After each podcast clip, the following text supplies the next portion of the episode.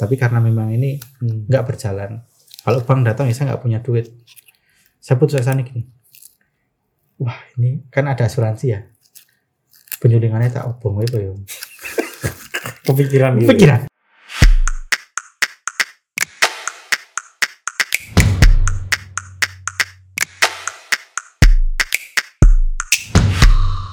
Ya akhirnya wis lah. Saya nggak punya apa-apa. Saya akhirnya pulang ke Kendal. Cuti wae, cuti kuliah. Cuti kuliah Cuti ya? kuliah. Saya pulang ke Kendal, Dalam keadaan putus asa itu. putus asa. Wis nggak tahu lagi nih mau gimana. Hmm. Wis pulang aja pulang. Bertani aja gitu kan. Nyangkul wis karo ngarit gitu aja kan. Kuat memang nyangkul. Iya kan biasa kan dulu waktu SMP bantuin Hmm. kayak gitu. Pulang ke Kendal ya karena nggak ada aktivitas yang ini baru sadar ternyata sepanjang perjalanan dari kota tempat saya sekolah SMA dulu sampai ke desa saya itu oh itu kebun cengkeh tok sini mas. Banyak daun cengkeh yang jatuh. Ih, dibuat apa ya?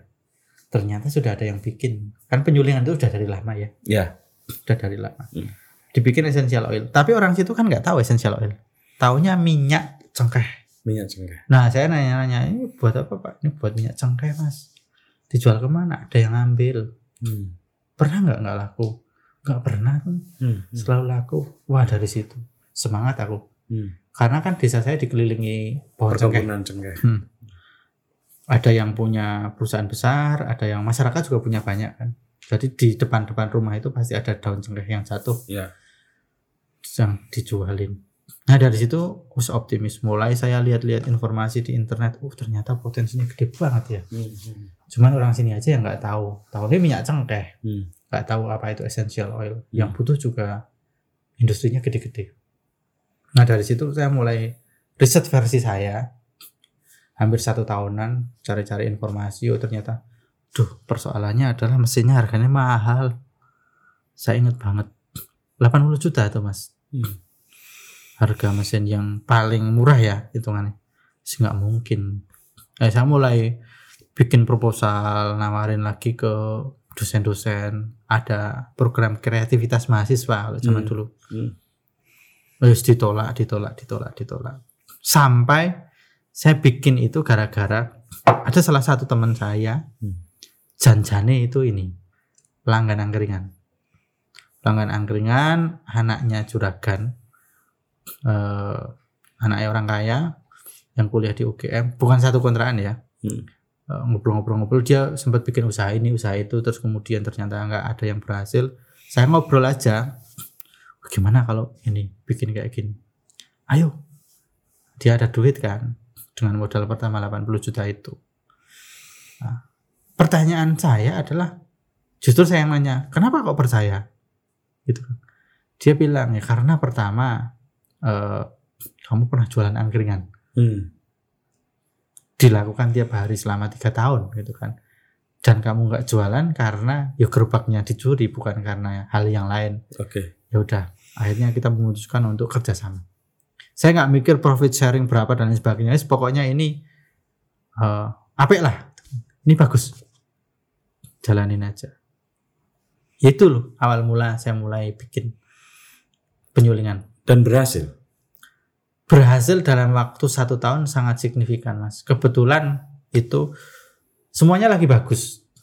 Eh, alam semesta mendukung. Hmm. jadi daunnya bagus-bagus. Oke. harganya lagi tinggi. Lagi satu tahun balik modal. Oh.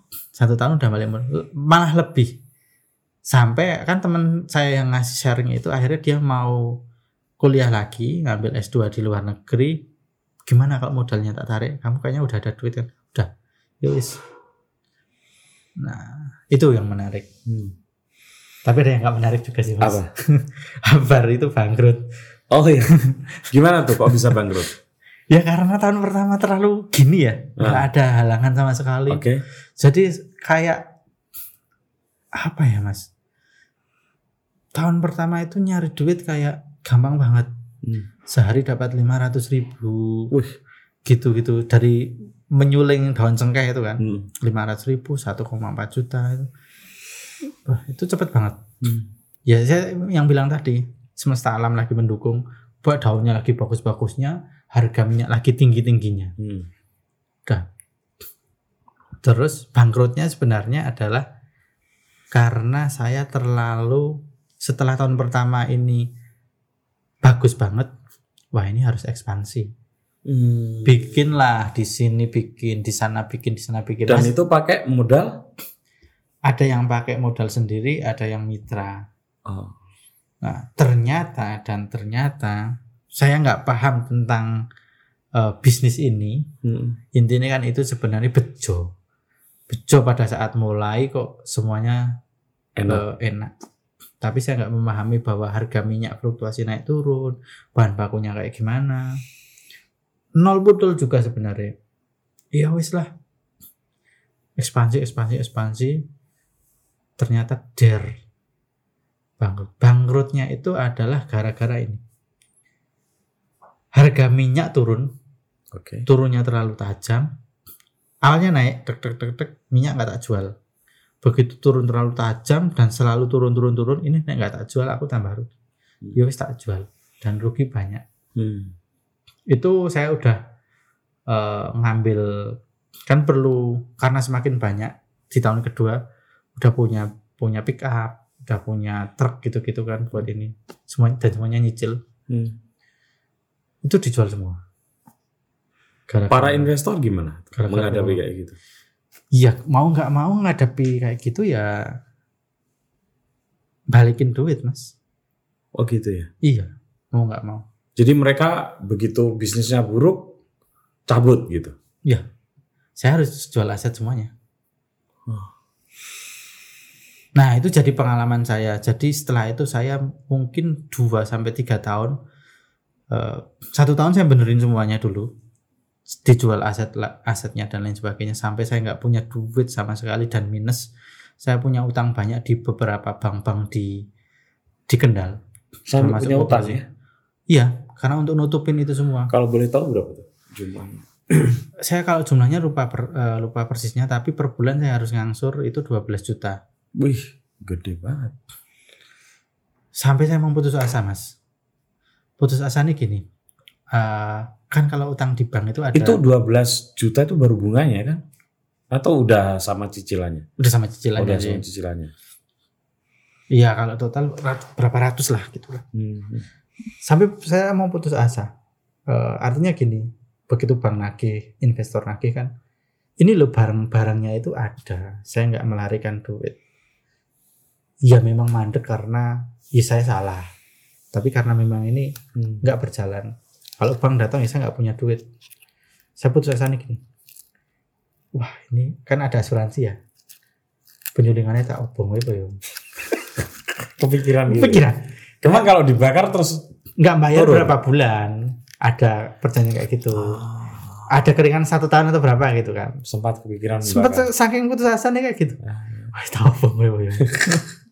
Terus kenapa nggak jadi dibakar? Ya enggak lah mas.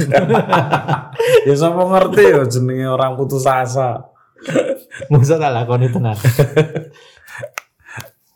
Oke, terus Saking puteknya aku ditagih Eh. terus tiap hari ke rumah. kebayang sih. Dan Dan bukan hanya satu bank ya. bukan hanya satu bank ada orang juga terus nah sampai nggak punya duit saya bingung ada tunggakan juga ke petani sing mas ini gimana yang ini belum dibayar daunnya ada yang kayak gitu kayak gitu wes pusing semuanya udah tak jual masih kurang titik baliknya itu adalah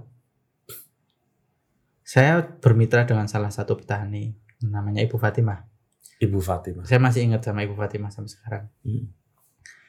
Jadi Ibu Fatimah sekarang masih jadi mitra kita. Dia meminjamkan emas datang ke rumah. Aku wedi mas karena saya masih punya utang sama Bu Fatimah. Hmm. Dia petani kan. Dia koordinator petani lah. Hmm. Saya takutnya dia mau ini. Mesti mau nagih, mesti harus nagih. Mau nagih lah. Oh, mesti ya, mesti lah. Wah, aku langsung wah, aku ngapur aku ngeranti dit iki. Tenan, ranti apa-apa. Akhirnya ternyata dia, Mas, saya ke sini bukan buat nagih. Saya ngerti jenengan lagi susah. Saya tak ini ngasih pinjaman jenengan ini. Dia ada kalung, ada gelang, ada cincin itu ditaruh di meja untuk saya pakai. Ini mas buat jenengan, gue mulai lagi. Nah, terkumpul ada duit berapa itu. Saya udah bilang nggak usah bu, nggak apa-apa, saya ngerti jenengan lagi susah. Nah, saya memang berhubungan sama Ibu Fatimah itu cukup uh, cukup erat lah.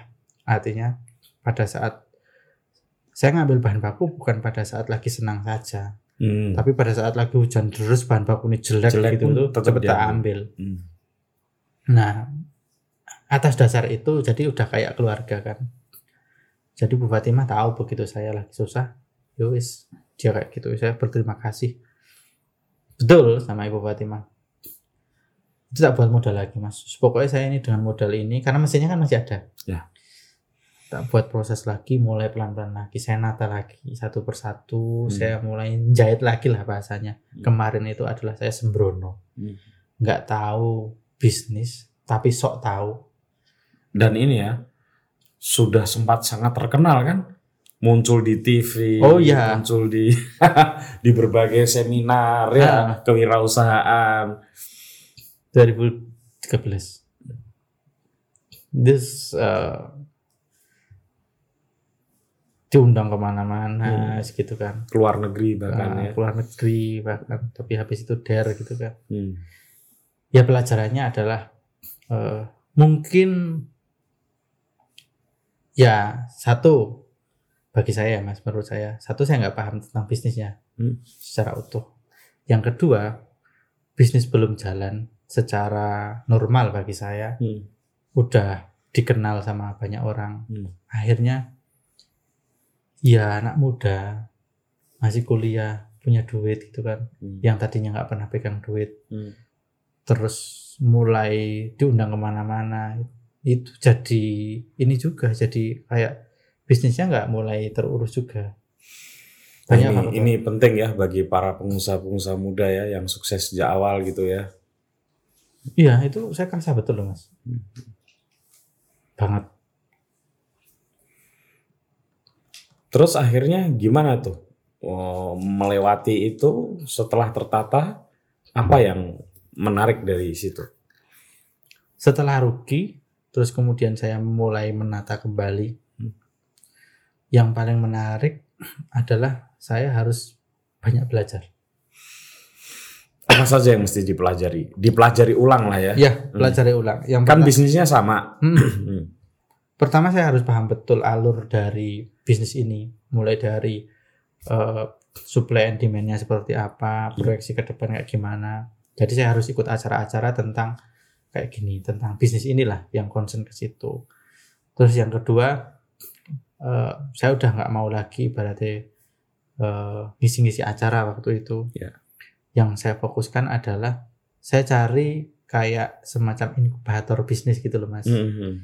Nah, ketemu kan akhirnya. Ibaratnya saya sekolah lah di sana selama satu tahun. Hmm. Cara mengelola keuangan, cara ini, cara itu.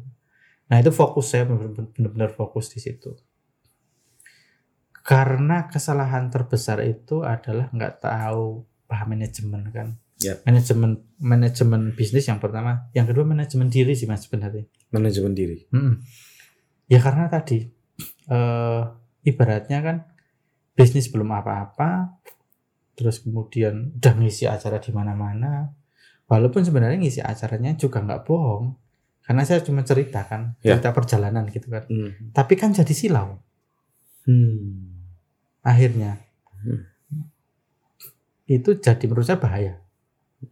Bahayanya adalah eh bisnisnya belum aman, tapi kita Namanya udah sudah besar gitu udah ya. kita udah ke mana-mana. Sudah banyak diincar orang untuk Hmm. di ikut invest gitu Nah. gitulah ya. Nah, terus sebetulnya Mas spesifik ke bisnis eh, minyak atsiri itu. Eh, Apa menariknya minyak bisnis minyak atsiri ini?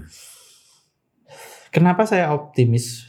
Walaupun setelah saya jatuh, kemudian saya optimis untuk mempelajari lebih dalam lagi. Kenapa tidak saya pindah ke usaha yang lain? Ya. Yang paling menarik itu adalah pertama masalah market, mas. Jadi setelah saya pelajari minyak atsiri ini adalah sebagai bahan dasar di beberapa kebutuhan hidup manusia. Misalnya? Contoh, satu untuk industri makanan. Nanti minyak atsiri itu diolah jadi flavor perasa makanan, Hmm. bumbu-bumbu masak. Hmm. Masuknya ke situ. Yang kedua, itu masuknya ke industri farmasi, Hmm. obat-obatan, Ya. antiseptik, antiinfeksi. Yang Hmm. ketiga, itu masuknya ke industri uh, sampo, sabun dan lain sebagainya. Ya. Itu. Sam. Yang terakhir adalah ke industri uh, parfum. Jadi empat sektor industri ini kan sampai sekarang orang ya tetap harus butuh makan. Semua orang juga kalau Hmm. mandi masih menggunakan sabun dan sampo gitu Hmm. kan. Artinya ini bakal tidak ada matinya. Oke. Selama saya ha- harus paham betul arahnya minyak atsiri trennya seperti apa di Indonesia kayak gimana di dunia seperti apa. Ini yang benar-benar saya mempelajari betul di situ. Kalau minyak atsiri di Indonesia yang punya nilai kompetisi lebih tinggi dibanding negara lain tuh apa, Mas? Terutama kalau Indonesia kita bicara rempah. Paling Apa tuh? Tinggi. Rempahnya apa? cengkeh. Cengkeh, Terus kemudian serai. serai, Serai ada dua kan, serai wangi sama serai dapur. dua-duanya bisa. Dua-duanya bisa. Hmm. Bisa dibikin minyak atsiri Bisa maksudnya. dibikin minyak atsiri. Hmm. Sama yang keempat itu nilam. Nilam. Nah, nilam itu adalah primadona atsiri Indonesia. Kenapa? sama cengkeh. Karena gini, semua industri minyak atsiri atau bahan turunannya minyak atsiri itu Hmm. membutuhkan minyak nilam. Untuk Untuk satu dia itu kan base oil ya mas namanya, apa Jadi- base oil? Eh, minyak pengikat. Oke. Jadi s- eh, kalau misalnya di parfum, sampo, sabun dan lain sebagainya Hmm. itu pasti butuh minyak nilam. Hmm. Dan yang unik minyak nilam itu nggak bisa dibikin sintetisnya. Oh gitu. Ha-ha. Kalau minyak yang lain rata-rata bisa. Cengkeh nggak bisa, Cengkeh juga bisa kan? serai bisa. Hmm. Dan nilam Indonesia termasuk bagus, Terbaik. terbaik di dunia. bahkan di petanya jadi kalau eh, pusatnya parfum dunia itu kan di kota Grasse ya Oke. di Prancis Hmm. itu kan di peta itu ada beberapa aroma aroma dunia lah Oke. Nah, mulai dari di bawah Indonesia itu ya nilam Nilam. ya? pecoli Pecoli ya, bahasa lainnya pecoli. Jadi kalau teman-teman pas beli essential oil gitu ya, pecoli itu maksudnya nilam itu.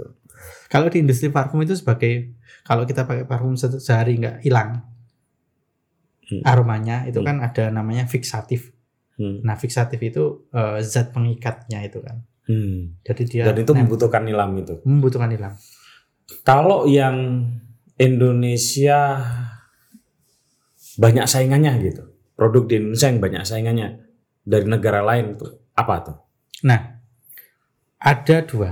Ah. Yang pertama adalah rempah jenis eh, spicy lah, seperti jahe, Oke. Terus pon-pon. ah pon-pon. Terus kemudian eh, serai juga ada Hmm. saingannya. Saingannya itu paling berat menurut saya kalau contoh jahe itu Cina sih mas. Cina. Cina yang berbatasan dengan Thailand itu kan tropis. Oke. Jadi mereka sukses eh, nanam jahe dan industri jahe. Kalau India apa? India kan lumayan maju juga Iya, industri. India jahe serai, jahe serai juga, serai wangi. Oke. Kalau pecoli itu nggak bisa mas disaingi sama negara lain. Karena ditanam di negara lain nggak bisa sebagus Indonesia. Oh, kalau cengkeh sih Pak Indonesia lah. Cengkeh pasti ya. Indonesia pasti. Pala gimana bro? Pala Indonesia. Nggak bagus nggak pala permintaan untuk esensial? Pala permintaannya bagus banget sih mas. Hmm. Cuman saya kenapa belum concern ke pala? Pada sempet waktu itu ke pala, Mm-mm. hanya saja karena concern saya masih di Jawa Tengah ya. Mm-mm. Jawa Tengah kan palanya sedikit banget. Iya. Hmm, sehingga antara permintaan sama produk yang saya produksi itu nggak match gitu. Permintaannya tinggi banget, puluhan ton bahkan. Tapi mas produksinya 100 kilo aja nggak ada minyaknya gitu kan. Oh, ya mungkin perlu ekspansi ke Indonesia Timur. Nah itu dia. Nantilah kawan-kawan kita ke sana sambil mancing ya. Perlu mas. Nah, ada berapa minyak esen eh, minyak atsiri yang yang sekarang di dikerjakan oleh eh, perusahaan Anda? Kita mengerjakan 19 produk essential oil. Hmm. Kalau di Indonesia kan ada B2B ya ini. Bit- eh, kalau eh, total ada empat ada 19 itu B2B sama B2C.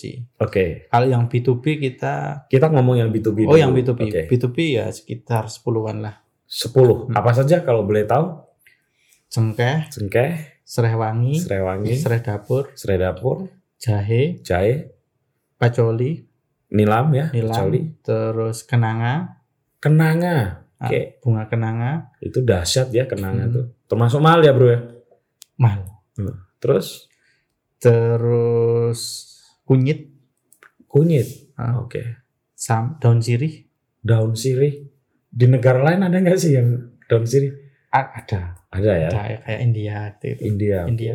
Terus Daun sirih, terus kemudian eh, mint, min. mint sama satu lagi lengkuas. Hmm. Itu B2B-nya banyak ekspor. Ada yang ekspor, ada yang lokal. Ekspornya berapa persen dibanding eh, lokalnya? Sebelum pandemi kita banyak ekspor sih mas. Hmm. Kalau sekarang ini karena beberapa kendala shipping dan lain Shipping, sebagainya, ya. dan lain sebagainya, sebenarnya sih hitungannya sih masih ekspor ya, karena kita kirimnya ke perusahaan yang eh, di- Akan mengekspor juga. Jadi gini, perusahaan yang kita ekspor ini dia punya perusahaan di Indonesia, Oh. punya pabrik di Indonesia. Oke oke oke. Nah, ya harganya lebih mahal daripada harga yang nasional. Hmm. Hmm, tapi nggak nggak semahal yang kalau ekspor. Oke. Oke. Nah, terus gimana tuh kok bisa mendampingi banyak sekali petani itu? Itu prosesnya gimana? Itu karena nggak sengaja sih mas. Gimana nggak sengaja? Jadi di industri essential oil itu sebenarnya oh ada yang menarik sebelum saya ke arah situ. Eh, saya baru sadar ketika saya men- eh, mendapat eh, apa namanya juara kompetisi bisnis muda waktu masih mahasiswa dulu adalah salah satunya karena melibatkan banyak petani. Oke. Nah, waktu presentasi tentang bisnis kan, ya saya cerita apa adanya aja kan, nggak tak bumbu-bumbui apa gitu kan. Bagi saya berhubungan dengan petani itu ya biasa aja mas. Wong tiap hari ya kayak gitu. Ya di desa ini, desa ini, desa ini ada banyak banget desa Hmm. dan ya wes kita memang bekerja sama gitu kan. Hmm. Itu bukan hal yang istimewa, tapi kok ternyata juri ngelihatnya, wah itu bagus mas. Aku mikir bagus apanya bagi saya itu Ya Biasa memang begitu. aja, gitu Ya kan. memang begitu gitu. memang begitu memang kayak gitu ngasih ngapain gitu kan Terus nah karena industri ini jadi saya ambil satu contoh ya mas untuk dapat kita produksi mawar juga misalnya mawar ya. mawar atau kita bicara yang rempah aja lah yang paling gampang untuk dapat satu kilogram essential oil ada yang butuh satu ton bahan baku ada yang butuh dua ton bahan baku Per liternya, kilo itu per kilo ya. Nah, artinya kan untuk satu ton bahan baku itu melibatkan banyak sekali Petani. petani. Ah. Nah, semakin kita produksinya banyak, semakin kita melibatkan banyak petani. Nah, bagi saya itu ya biasa saja karena Hmm. ya memang seharusnya kayak gitu. Nah, yang kita lakukan memang bagaimana petani harus bahan bakunya kualitasnya bagus, artinya mendampingi. mendampingi. Hmm. sampai sekarang jadi 23.000 itu ya karena semakin kita besar produksinya maka akan nambah jumlah petaninya. Oke. Nah, mendampingi itu kan bukan hanya mendampingi secara teknis ya. Ada pendampingan-pendampingan lain nggak yang dilakukan selain soal budidayanya supaya menghasilkan kualitas yang bagus gitu. Justru yang paling penting bagi saya itu bukan yang teknis ya mas, Oke, apa yang non teknis. Artinya gini, petani itu kan bisa dikatakan sakarpe dewi. Kalau dia kepingin, ya iya dilakuin. Kalau enggak enggak. Oke. Kalau ada saudaranya nikah, dia bisa libur satu minggu bahkan Hmm. dua minggu. Hmm. kalau mau libur-libur aja gitu Hmm. kan dan kita nggak bisa maksa wis pokoknya sehari kamu target eh, store bahan baku ke saya 100 kilo nggak bisa digituin Hmm. nah yang kita dampingi kepada petani itu adalah bagaimana mengedukasi supaya yang pertama adalah mereka kan butuh pendapatan tambahan kan artinya yang nggak kerasa bagi mereka itu ternyata jadi pendapatan yang utama Oke. saya ambil contoh Ah. misal jadi aktivitas mereka macam-macam petani itu ada yang udah punya aktivitas di lahan pertanian pada waktu siang hari Hmm. ada juga yang dia kerja daya macam-macam nah biasanya mereka nyapu daun itu polanya adalah yang kita dampingi setelah subuh setelah subuh mereka ke kebun karena kebunnya kan cuma belakang rumah ya Hmm. mereka nyapu-nyapu daun gitu dikumpulin Hmm. nanti sebelum jam 7 Hmm. udah dapat duit tuh dijual udah dapat duit Hmm. nah uang itu bisa buat ngasih anaknya sekolah dan sebagainya nanti sore lagi mereka kayak gitu Hmm. nah ritme kayak gitu yang coba saya bangun kepada para petani untuk sebenarnya ini nggak bukan pekerjaan yang susah Oh. karena kalian tinggal nyapu daun Hmm. Ah, bukan juga masalah duitnya, tetapi bagaimana ini itu juga tinggal ngumpulin daun aja dan disapu daun cengkehnya ya, Hmm. terutama daun cengkeh dulu De- sebelum ke produk-produk yang lain. Hmm. Tinggal disapu, dikumpulin, nggak kerasa jadi duit mas. Nah kayak gitu, sama hal-hal yang lain, hal yang lain apa misalnya? Jadi kita biasanya me- mengkoordinir 23.000 petani itu dengan cara saya pasti keliling lah harus ke semua petani-petani itu ya kita adain acara misalnya kayak ya kalau di desa kan paling seneng pengajian ya Hmm. kita pengajian sambil ngobrol-ngobrol sambil sharing-sharing gitu kan tentang kehidupan jadi saya sering banget kalau misalnya di petani sampai malam. Terus teman-teman saya juga gitu di petani sampai malam. Jadi bukan hanya hal-hal itu tapi ada hal-hal lain selain pertanian. Kita sering masalah misalnya karena saya kuliah pernah kuliah akhirnya gimana tentang pendidikan itu sering gimana dan Hmm. itu yang ini sih. Jadi saya pengen fokusnya itu gini mas. Ini sebenarnya flashback ke belakang ya bahwa usaha penyulingan ini sempat ditolak oleh orang tua kamu tuh udah kuliah mbak ya jadi pegawai Hmm. ya kerja gitu kenapa jadi kayak gitu kayak gitu itu adalah orang yang sudah punya penyulingan tapi gitu-gitu aja Hmm. Nah, saya batin, pokoknya saya mau bikin penyulingan minyak ajiri. Saya akan membedakan orang yang berpendidikan sama enggak. Dikemas oleh eh, manajemen yang bagus sama enggak. Hmm. Nah, atas dasar itulah terus kemudian alhamdulillah sekarang banyak petani-petani kita yang sekolah anaknya sekolah. Terus kemudian bahkan kuliah. Hmm. Saya nggak peduli bahwa dia nanti eh, mau jadi apa, Yang tapi penting yang paling penting mereka sekolah sekolah. karena itu memberikan pemahaman yang berbeda terhadap kita memahami kehidupan ini. Tapi saya dengar Anda membeli harga petani itu tinggi dibanding yang lain, bener nggak? Iya, kalau itu memang harus sih mas. Ya kenapa bisa gitu? Kan Ya. yang lain membeli di harga yang agak rendah, kenapa nggak ngikut aja? Kalau kapitalisme murni sekedar mencari untung kan, ya nggak apa-apa kan membeli di harga yang murah itu. Apa yang menggerakkan?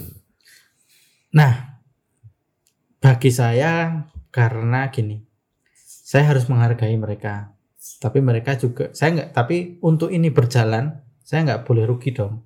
Oke. Kalau saya rugi, otomatis saya nggak bisa beli dengan harga tinggi. Oh ya, Nah. makanya. Tapi dasarnya adalah yang pertama kita lakukan, kita nggak bisa mendikte petani untuk kamu gini-gini ini nggak bisa. Oh, Yang pertama lakukan adalah saya dengan Ibu Fatimah tadi. Misalnya gini mas, kualitasnya masih biasa, tapi musim hujan jelek saya udah paham itu mesti rugi aku mas. hmm, Musim hujan. Kalau tak beli ini nggak jadi minyak, minyak cuma dikit karena campur air. air. Yuk tak beli aja. Wis tak beli itu intinya mereka nggak tahu. Wis tak beli. Nah, karena susah senang itu dibeli, jadi mereka eh, ngerti banget dengan saya. Misal sa- eh, si Ibu Fatimah ini, Mas Putut misalnya, Hmm. datang tuh ke Ibu Fatimah, biasanya tak beli misalnya 3000 sekilo bu sama saya tak beli 5000 deh Hmm. jenengan datang itu nggak bakal dikasih padahal kalau dia punya satu ton kan udah selisih itu mas Ya. selisihnya lumayan Hmm. dan ke situ bawa duit ditaruh di meja misalnya nggak bakal dikasih Hmm. karena yang selama ini terjadi orang datang ke situ itu pada saat bahan baku lagi bagus Bagus. Pada saat susah mereka enggak. Nah saya ngopeni pada saat susah itu. Akhirnya ketika udah tak openi pada saat susah, pelan-pelan saya edukasi bagaimana cara eh, mendapat Kualitas, kualitas daun. yang daun yang Hmm. bagus. Nah seperti ini, sortirnya seperti ini, harganya saya kasih tinggi bu. Akhirnya mereka seneng karena harganya bisa lebih tinggi dengan kualitas yang lebih bagus dengan effort yang ternyata effortnya sama Hmm. bahkan lebih lebih ringan bahasa mereka dia harus milihin dulu yang bagus mana nggak asal campur Ya. kan kalau campur sama kotoran berat tapi harganya ternyata murah mas Oke. dibeli sama dan kadang iya non jauh ya Ah, kadang yang bayar ya belakangan dan lain sebagainya kalau saya prinsipnya bagi sama petani itu ya harus cash Cash and carry ya. Iya. Nah, di Indonesia di daerah mana saja Anda mengambil produk pertanian itu? Bekerja sama dengan petani, Bu. kalau di Sumatera kita- Sampai Sumatera ya? Iya. Sumatera daerah mana aja? Sumatera itu di Pasaman Barat Hmm. Itu apa tuh? itu nilam Nilam. sama Srewangi Oke. terus sama di Musirawas Mm Musirawas tuh Jambi ya? Musirawas itu Sumatera Selatan Oh, oh iya ya. Bawahnya Jambi ya Bawahnya Bawah Jambi. ya. Jambi. Itu apa tuh? itu khusus bunga Bunga apa? bunga kenanga Oke, itu di Sumatera. Mm-mm. terus di Sulawesi itu kita eh, lagi di Toli-Toli Cengkeh pasti itu. iya cengkeh Hmm. terus ada juga di Kupang Di Kupang apa tuh? di Kupang itu sebenarnya nggak nggak gede banget tapi lavender. Lavender. Ternyata ada lavender Indonesia.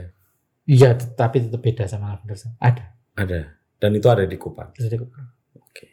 Nah sekarang eh, terakhir nih bro.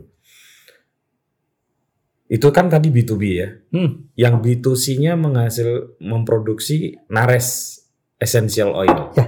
Nah ini buat teman-teman ya. Kalau anda browsing eh, essential oil buatan Indonesia itu nanti akan muncul beberapa produk ya, 5 atau 6 perusahaan gitu. Salah satunya brandnya yang sangat terkenal itu adalah Nares.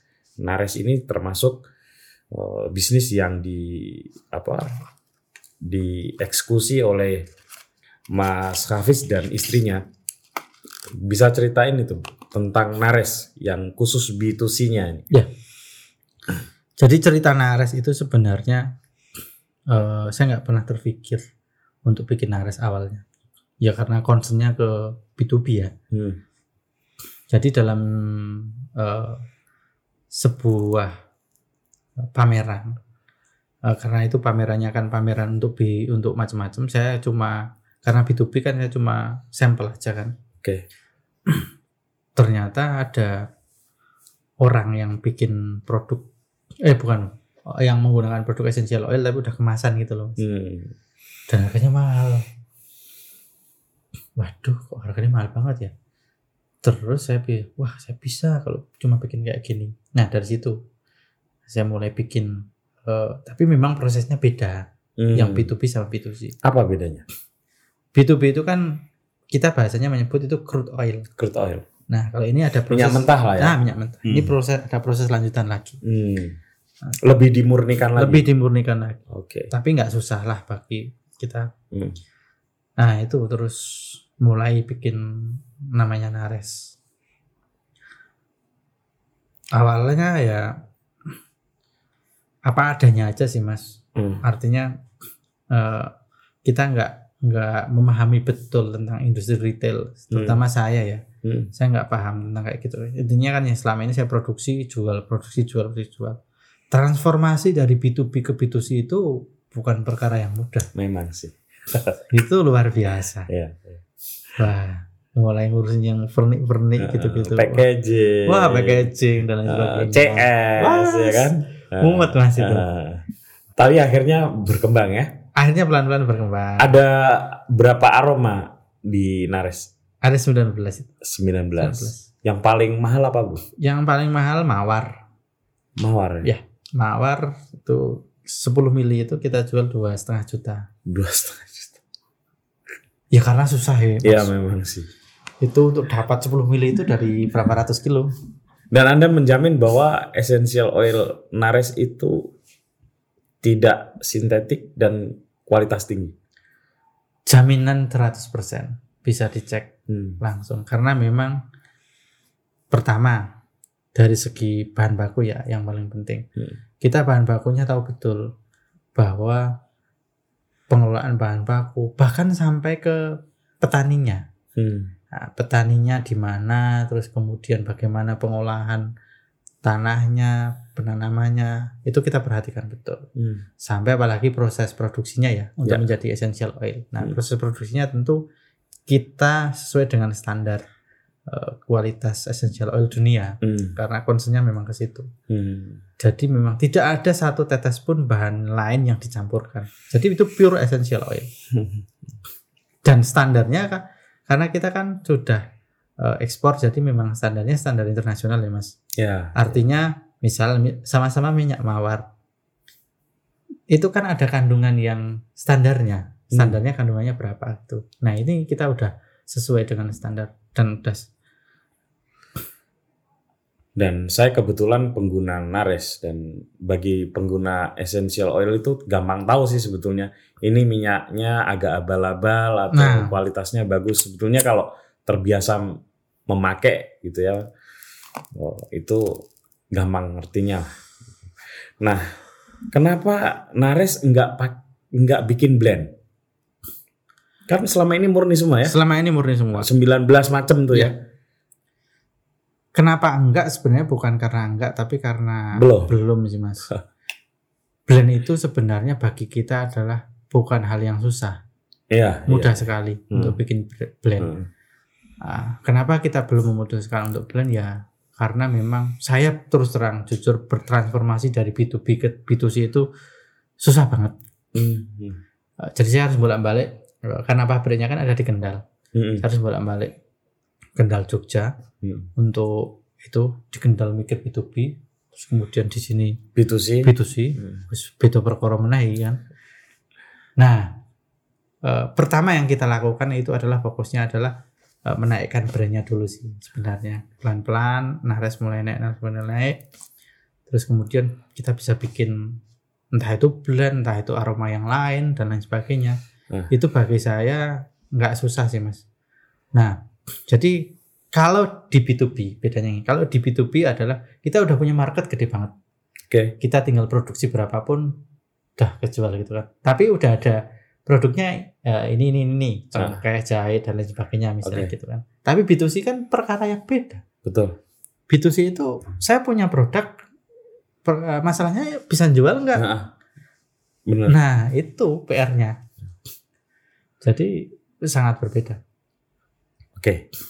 Eh, terakhir sekali ini ada pesan nggak ke para petani di Indonesia itu, bro, bahwa sebetulnya masih ada peluang nih petani di Indonesia untuk sejahtera gitu. bukan masih masih ada peluang sih tepatnya mas peluang itu sangat besar Sangat besar. sangat besar Hmm. Eh, terutama untuk industri essential oil ya Iya. itu sangat besar. Hmm. Kenapa?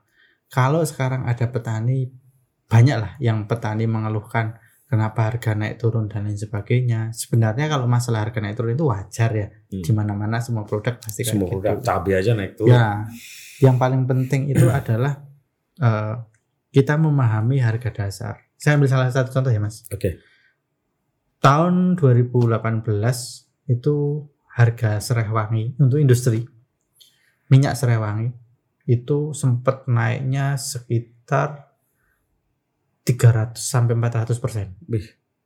Padahal nggak pernah harganya segitu. Hmm. Ternyata ada salah satu industri terbesar di Jerman yang pabriknya kebakaran.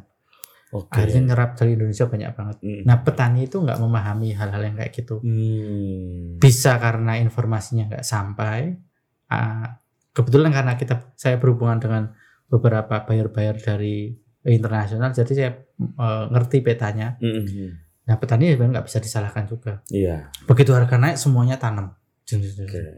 terus kemudian harganya turun lagi sebenarnya itu nggak turun memang harga normalnya ya Harga normalnya segitu. kembali ke harga normal Hmm. nah itu salah satu contohnya sih Tapi karena sudah sempat naik, dipikirnya itu akan bertahan segitu terus. nah Ya. seperti itu jadi bukan hanya ada peluang tapi peluangnya gede banget pertama kita ngomongin masalah kualitas Indonesia ini sudah dikaruniai alam yang luar biasa mas.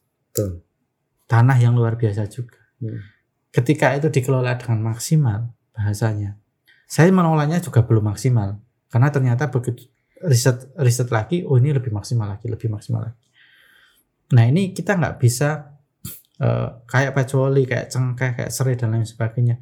Aroma Indonesia itu beda loh sama yang sama yang ada di luar-luar spesial ini kita itu Hmm. khusus kalau lihat di apa namanya eh, websitenya internasional di apa Alibaba gitu misalnya Hmm. itu kan ada ini mas eh, yang jual B2B essential oil Hmm. yang jualan ya orang Cina orang Singapura Hmm. itu jual minyak Indonesia Wah. minyaknya origin mana Indonesia Indonesia yang jualan jarang orang Indonesia karena mereka tahu bahwa produk Indonesia itu pertama ngomongin kualitas aromanya itu beda Oke. nah kalau kita ngomongin standar kualitas kandungannya apa mungkin kita bisa sama dengan India bisa sama dengan Brazil Oke. yang sama-sama tropisnya Hmm. tapi begitu kita bicara aroma beda Oh. ini nggak bisa disamakan Oke. kalau masalah aroma Oke, teman-teman. Karena waktunya udah panjang banget tuh ya, satu jam lebih. Kalau diterusin bisa sampai pagi ini. udah satu jam ya Oh, lebih. Hah? Oh, tuh ini paling panjang 77 menit. Oke, gitu aja deh teman-teman ya. Nanti kita- kapan-kapan kita sambung. Sebetulnya kami kru ini diundang untuk datang ke pabriknya di Kendal, tapi karena situasi lagi COVID kayak gini masih belum waktunya belum lah.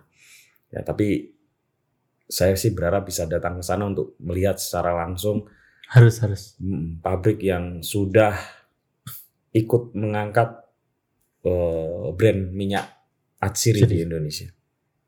Terima kasih bro ya. siap Oke. Mas Bul Oke teman-teman, sampai ketemu lagi di bertamu ke para tokoh yang lain.